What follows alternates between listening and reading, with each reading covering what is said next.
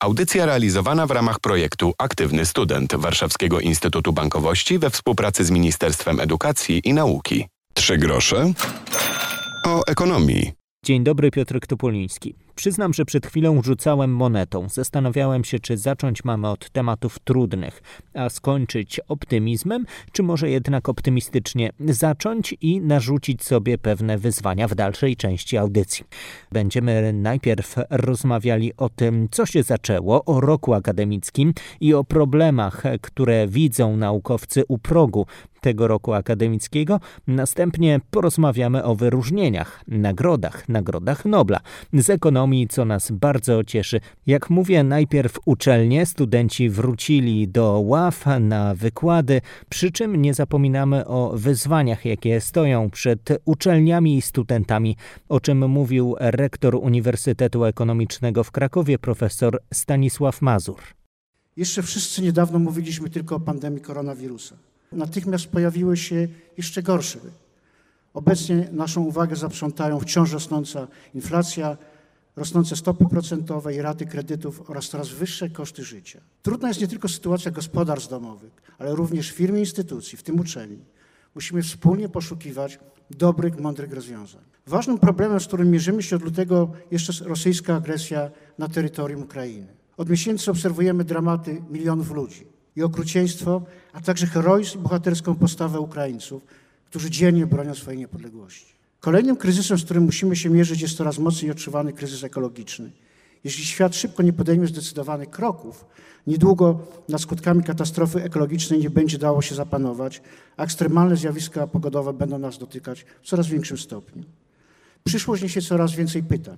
Szczególne zadanie mamy tutaj właśnie my, środowiska uczelniane, akademickie, ludzie, którzy kształtują kompetencje przyszłych pokoleń.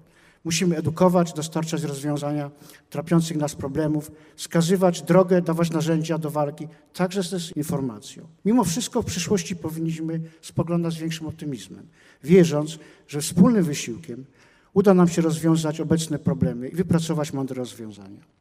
Podróżujemy dzisiaj po kraju, mimo że rozpoczął się rok akademicki i studenci, jeśli wjechali, to bardzo często do swoich akademików, do mieszkań wynajmowanych ze znajomymi i do sal wykładowych. Za nami wykład inauguracyjny na Politechnice Warszawskiej. Profesor Witold Orłowski próbował odpowiedzieć na pytanie, czy widać już granice wzrostu gospodarczego? Za chwilę do tego pytania wrócimy. Dodam, że ekonomista profesor Witold Orłowski ma siebie za optymistę. No ale stawiamy pytanie i szukamy argumentów.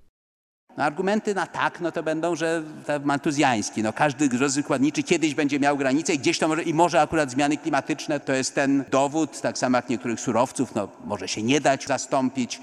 To jest trochę gra w ciemno, te próby powstrzymania zmian klimatycznych. No i pesymista powie, że w ogóle są zawsze różnice. No mówimy zadłużenie wobec przyszłych pokoleń. Przecież na to jest zupełnie inne spojrzenie starszej części społeczeństwa, inne młodszej.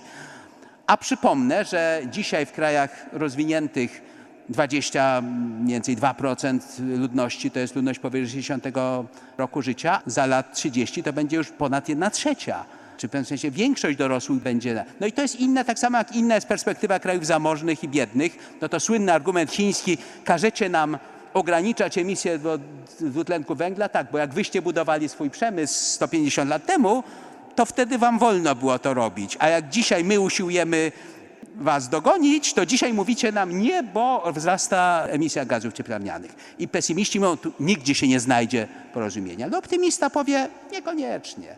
Po pierwsze, można liczyć na postęp technologiczny, który może naprawdę być znacznie potężniejszy niż nam się wydaje. Oczywiście, jeśli będą pieniądze na badania, jeśli badania będą dobrze ukierunkowane.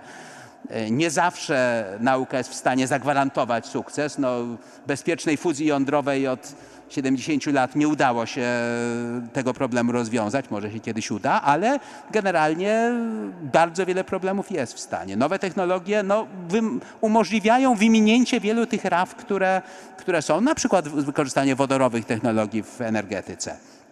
Oczywiście można wpływać na strukturę PKB, na zwyczaje, na model gospodarki i to jest też zadanie dla nauki, chociaż raczej nauk społecznych, no i nauczenie ludzi korzystania, dobrego korzystania z technologii. Myślę, że świat może się zmieniać w znacznie lepszą stronę.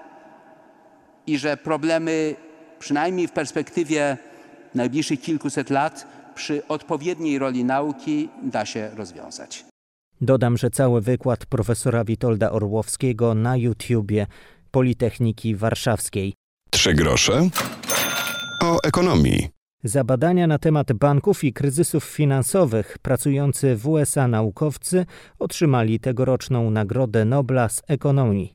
Ben Bernanke, Douglas Diamond i Philip Dybwig zostali wyróżnieni przez Królewską Szwedzką Akademię Nauk. Czym są badania na temat banków? Co możemy z tego my wyciągnąć albo co o nas mówi ta nagroda. O tym profesor Joanna Tyrowicz z Wydziału Zarządzania UW, członkini Rady Polityki Pieniężnej oraz profesor Michał Brzeziński z Wydziału Nauk Ekonomicznych UW.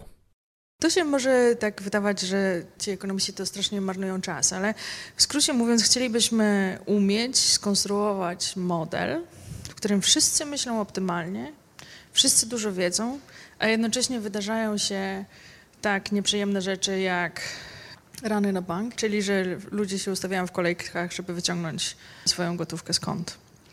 I teraz e, to nie jest bardzo oczywiste, jak to zrobić od strony technicznej. Skoro wszyscy jesteśmy mądrzy i wszyscy wszystko wiemy, to nie powinniśmy zostawiać pieniędzy w bankach, które są kłopotliwe. I teraz to, co zrobili tegoroczni nobliści, e, to pokazali, że niezależnie od tego, jak uregulujemy sektor bankowy i że trzeba go regulować z innych względów, to jednak jest zawsze jakieś ryzyko ulokowania pieniędzy w banku, które może się okazać kłopotliwy i w związku z tym wywoływania ranów na bank, czyli kolejek, żeby wyciągnąć pieniądze z kasy. I to tak w największym skrócie.